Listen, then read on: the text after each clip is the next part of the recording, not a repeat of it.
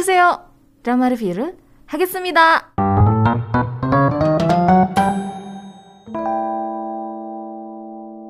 Drama tentang idola ini memang udah cukup sering dibahas sih ya. Ada cukup banyak lah gitu drama-drama yang nyeritain tentang kehidupan para idol. Mungkin dari awal mereka belum jadi apa-apa, kemudian trainee, sampai akhirnya berhasil debut, atau misalnya kisah di mana mereka bertahan menjadi seorang idola seperti apa ya.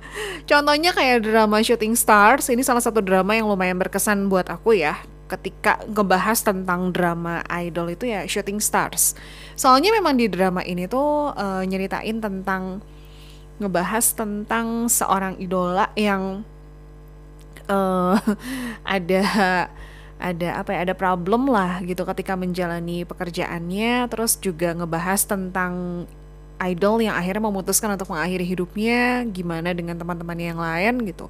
Ketika menghadapi duka citanya gitu. Ini menarik banget si Shooting Stars ini. Ada di Netflix sama View ICE Netflix sih seingat aku yang ada udah gitu ada imitation imitation juga cukup menarik. Cuman ini aku nggak beres sampai ya sampai selesai gitu. Aku cuma nonton depannya doang. Dream High ini legend banget sih. Dari awal yang mereka tuh sekolah terus mereka latihan sampai akhirnya bisa jadi idol gitu Dream High 1 dan 2 terus ada drama jadul juga You're Beautiful. Ini kayak udah lama banget tapi ini juga lumayan berkesan sih kalau buat aku. You're Beautiful ini nyeritain tentang satu boy group yang ada impostor di dalamnya. terus ada The Best Hit, The Producers, terus ada Idol The Cup, dan lain-lain cukup banyak ya. Nah kali ini Netflix itu merilis serial original berjudul Duna yang diadaptasi dari webcomic berjudul Lee Duna, karya dari Min Song A. Um, kita bahas dulu untuk direkturnya ya, didirect oleh Lee Jung Hyo. Lee Jung Hyo sebelumnya mendirect drama Crash Landing on You. Terus Romance is a Bonus Book. Ini juga bagus sih dramanya. Ada Wihajun ya guys jadi second lead. Criminal Minds Kemudian uh, Apa lagi yang pernah aku tonton ya? I Need Romance. Sisanya aku gak pada nonton sih Ada Life on Mars The Good Wife My First Time Until the Morning Comes Dan masih banyak lagi.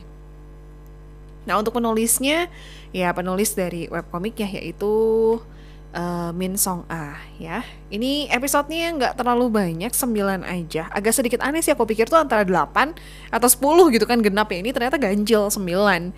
Terus per episodenya tuh paling kayak sekitar 40 sampai 50 menit lah gitu. Cuman yang aku notice bagian kreditnya agak sedikit menarik.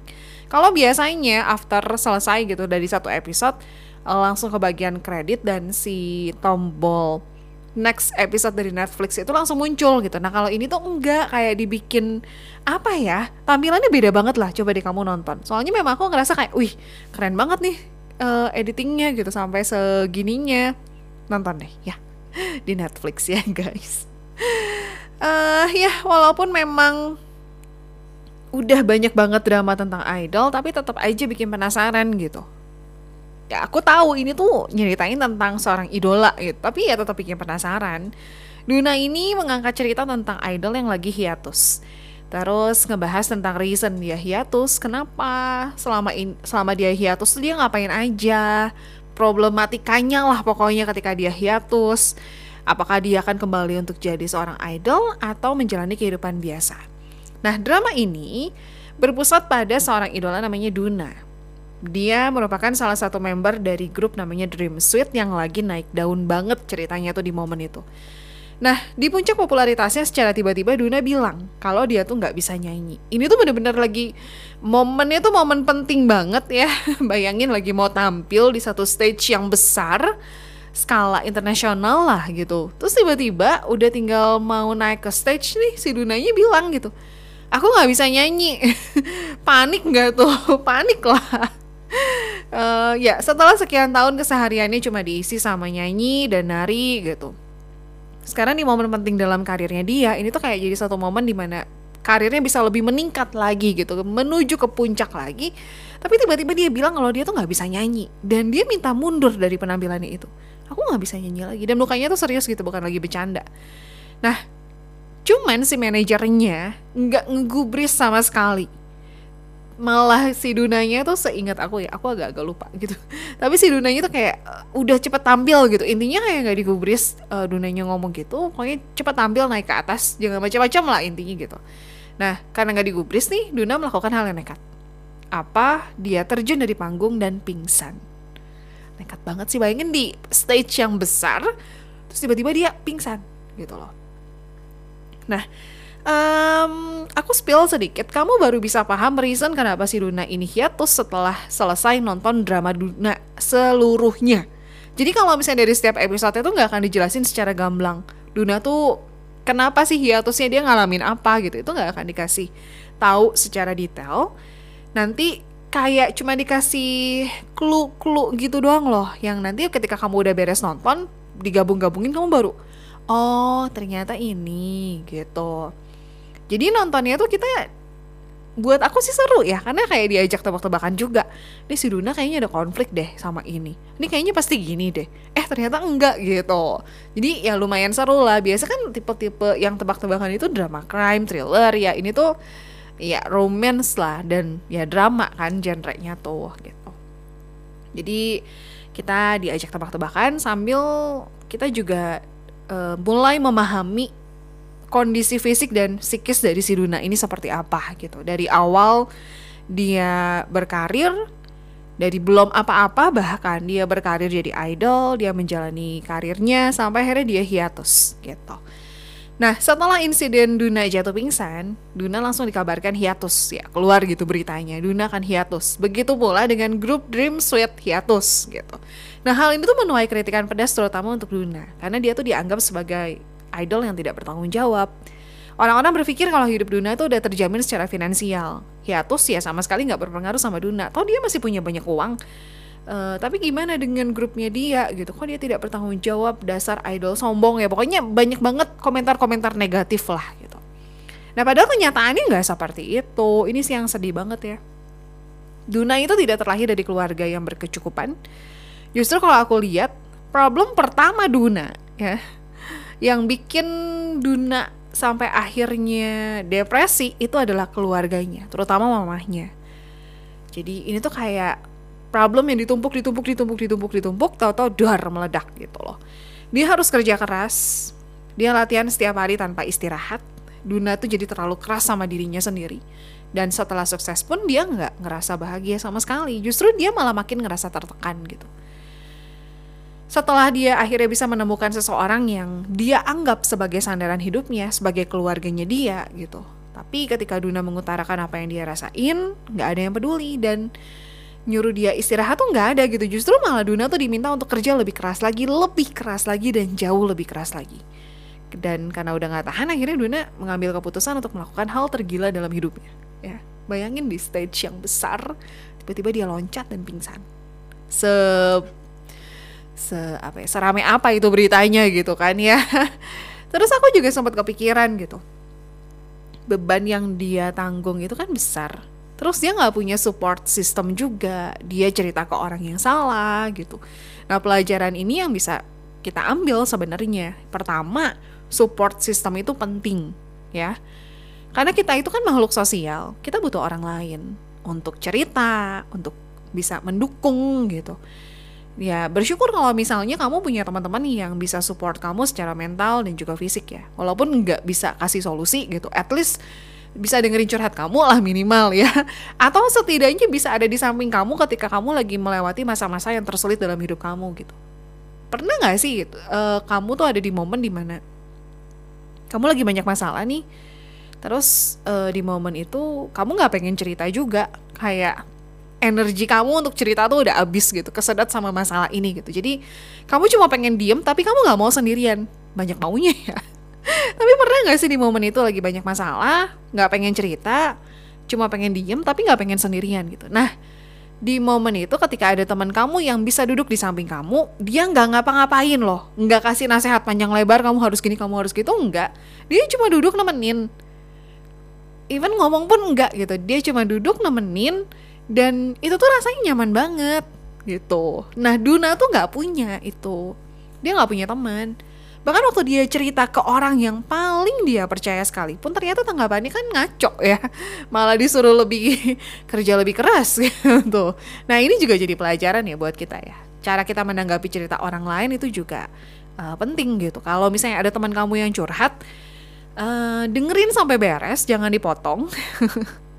Jangan juga malah jadi kita yang curhat gitu. Kebanyakan tuh suka jadi kebalik gitu. Misalnya ada teman kamu yang curhat dia capek kerjaan, terus belum beres nih curhatnya baru dia bilang aku tuh capek atasan aku tuh kasih beban kerja yang besar gitu. Terus tiba-tiba udah kita potong gitu. Ah lu gitu aja udah ngeluh. Gue tuh ya bla bla bla bla bla bla malah jadi kita yang curhat. Iya itu salah ya. Jadi uh, ketika ada teman kamu yang curhat jadilah pendengar yang baik didengerin sampai beres jangan dipotong. Walaupun memang kita nggak bisa kasih solusi ya udah yang penting kita cukup dengerin teman kita itu untuk ngeluarin unek-uneknya.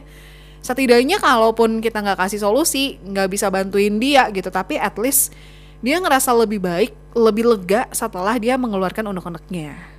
Oke, okay, kita kembali ke drama Duna ya. After kejadian itu, setelah kejadian di stage yang bikin gempar itu, Duna dipindahkan ke sebuah kos-kosan lah bisa dibilang ya. Di dekat kampus, satu kampus gitu. Kos-kosannya, uh, lingkungannya unik sih kalau aku bilang ya. Si halamannya tuh unik banget kayak agak-agak jadul-jadul gimana gitu vibesnya tuh ya. Jadi kos kosan ini tuh campur ya. Jadi perempuan di lantai satu sementara laki-laki di lantai dua. Tapi ya nggak bisa tiba-tiba laki-laki mau uh, kamar yang di lantai satu nggak bisa gitu. Jadi pokoknya lantai satu perempuan lantai dua laki-laki nah karena Duna seorang idol yang kalau misalnya ada penghuni lain yang tinggal di lantai yang sama-sama dia takutnya heboh akhirnya satu lantai itu cuma ditempatin sama Duna sendirian. Disewa semua satu lantai gitu sama Duna. Sementara di lantai dua ditempatin sama tiga orang mahasiswa. Ada siapa aja? Ada Go Jung Hoon dia tuh tipe orang yang kaku dan antisosial. Kayak bener-bener harus mengikuti aturan gitu. Terus ada Soyontek dia mahasiswa jurusan psikologi tahun keempat yang punya kepribadian periang dan um, gampang banget bergaul sama orang. Terakhir ada Iwon Jun dia seorang mahasiswa baru yang uh, baru pindah ke kos-kosan itu gitu. Nah Awalnya kerjaan Duna di tempat tinggal itu cuma ngerokok di luar sambil ngeliatin handphonenya. Kadang dia nangis putus asa gitu sambil liatin handphone. Kadang dia bengong doang lihat langit gitu ngelamun. Dia nggak pernah berinteraksi sama penghuni lainnya sama sekali. Pokoknya dia benar-benar sendirian di situ. Um, tapi setelah Iwon Jun datang semuanya itu berbeda. Jadi Iwon Jun ini tipe orang yang perhatian sama orang lain. Makanya waktu ngelihat Duna sendirian gitu, nggak punya temen terus tiba-tiba pingsan. Jadilah uh, mereka tuh mulai berteman karena Iwon Jun ini tuh tipikal orang yang memang care gitu. Nah pertemanan ini lama kelamaan berkembang menjadi cinta. Tapi cinta antara idola sama non idola itu kan berat banget ya guys. Ini juga yang dialami oleh keduanya. Apalagi baik Duna maupun Iwon Jun itu sama-sama masih belum selesai dan sama-sama masih belum berdamai dengan orang di masa lalu karena di masa lalu maksudnya gimana mantan nggak mantan juga sih mantan kecengan mungkin ya lebih tepatnya uh, jujur ya after nonton drama ini aku jadi agak curiga sebenarnya kalau misalnya muncul berita hiatus tentang uh, idol gitu. Apalagi kalau nggak ada keterangan dengan detail. Terus kalau reasonnya tuh kesehatan hanya kesehatan masalah kesehatan tapi nggak ada reason yang lebih detail lagi. Misalnya karena cedera cedera di kaki atau karena uh, harus menjalani operasi apa kalau misalnya diumumkan hanya karena kesehatan tuh aku mulai jadi overthinking gitu bacanya tuh. Dan sungguh ya jadi idola tuh nggak gampang. Ya setiap pekerjaan juga itu punya kesulitannya masing-masing ya gitu. Aku ngelihatnya ya pesan dari aku kalau misalnya kamu ngobrol sama temen gitu misalnya ya atau kamu kenalan sama orang ngobrol soal pekerjaan ya kurang-kurangin lah ngomong kayak uh, hal-hal yang ternyata ini tuh nggak baik untuk diungkapin gitu. Misalnya kayak oh kerjaan lu sih enak. Misalnya nih jadi penyiar enak dong cuma tinggal ngomong doang. Hey nggak seperti itu. Jadi penyiar itu nggak cuma sekedar ngomong aja tapi kita juga harus ngelakuin riset harus baca harus nonton harus denger lagu mungkin gitu atau denger podcast orang. Atau mungkin ketika ngobrol kerjaannya dokter gitu wah enak dong jadi dokter banyak uangnya. Kan tidak seperti itu juga. Atau jadi guru TK misalnya. ya wah enak dong jadi te guru TK setiap kali ngelihat kelucuan anak-anak kan nggak setiap waktu anak-anak itu lucu. Kadang kalau misalnya mereka lagi cranky, ngantuk segala macam ngadat kayak nggak lucu juga kan gitu. Atau mungkin jadi idol enak dong terkenal terus banyak uang. Tapi proses ketika dia menjadi seorang idol ini kan kita nggak tahu apa yang apa yang mereka lewatin gitu. Sakitnya seperti apa, capeknya seperti apa kita nggak tahu. Jadi ya kurang-kurangin lah ya ngomong kayak gitu ya. Oke, sekarang kita bahas karakternya ya. Ada Iduna yang diperankan oleh Suzy. Di sini dia cantik banget, sungguh mata dia make upnya bagus banget. Aku terpesona sekali dengan matanya. ya, tujuan awal Duna jadi idola ini sebenarnya adalah untuk melarikan diri dari rumah yang nggak pernah memberikan dia kasih sayang. Lama-kelamaan setelah dijalani, dia mulai menyukai pekerjaannya sebagai idola. Dia suka nyanyi, dia suka nari, dia suka tampil di atas panggung. Walaupun tidak mudah di usia yang masih sangat muda itu dia harus menghabiskan seluruh waktunya untuk berlatih. Dia nggak punya teman sama sekali, dia nggak pernah hang out ke cafe bareng sama teman-teman dia nggak pernah gitu. Dia kerjaannya cuma latihan, latihan, latihan, latihan. Karena itulah dia jadi keras sama dirinya sendiri. Tapi karena dia suka dan cinta sama pekerjaannya, akhirnya dia bertahan. Nah, ketika apa yang dia cintai selama ini ternyata malah jadi hal yang paling dia benci, dia depresi, dia kehilangan passionnya, bisa dibilang dia kehilangan hidupnya juga. Dia selama ini dikenal sebagai Duna si idol gitu. Sekarang ketika dia udah nggak nyanyi di atas panggung lagi, dia juga kebingungan gitu identitas dia apa dong sekarang gitu. Nah, salah satu scene yang berkesan buat aku ya, ini kalau ditanya dari Duna paling berkesan scene ini sih gitu. Jadi aku spill ya, ada satu scene di mana di masa hiatusnya Duna dia tuh pergi nonton konser ceritanya. Konsernya konser kecil lah bukan konser yang besar gitu kayak satu ruangan gitu. Uh, dia duduk di antara penonton ya. Kalau kamu lihat mukanya ekspresinya itu kamu akan sangat amat mengerti sekali. Karena keliat gitu dia tuh senyum seolah-olah kayak menikmati musik tapi kalau diperhatiin matanya tuh nggak bisa bohong. Mata dia tuh kosong dan aku ngelihat kayak ada tatapan rindu juga untuk nyanyi di atas stage dia kangen tampil di sana tapi ada ragu juga apakah dia masih bisa berdiri di sana dan nyanyi atau enggak gitu. Terus kayak seolah-olah ekspresinya itu menunjukkan kalau dia baik-baik aja padahal sebenarnya dia nggak baik-baik aja. Itu sih yang ngena banget gitu kayak aduh kalau ada di sebelahnya Duna aku puk-puk deh gitu loh. Nah singkat cerita sampai akhirnya penyanyi yang lagi tampil itu notice ada Duna nih gitu si idol yang terkenal sekali. Akhirnya manggil uh, untuk naik ke atas panggung untuk nyanyi gitu. Awalnya si Duna tuh ragu-ragu gitu. Dia naik ke atas terus disuruh nyanyi, dia ragu-ragu tapi dia coba untuk nyanyi. Nah, baru nyanyi satu bait, kayaknya dua kalimat deh lebih tepatnya. Tiba-tiba dia berhenti.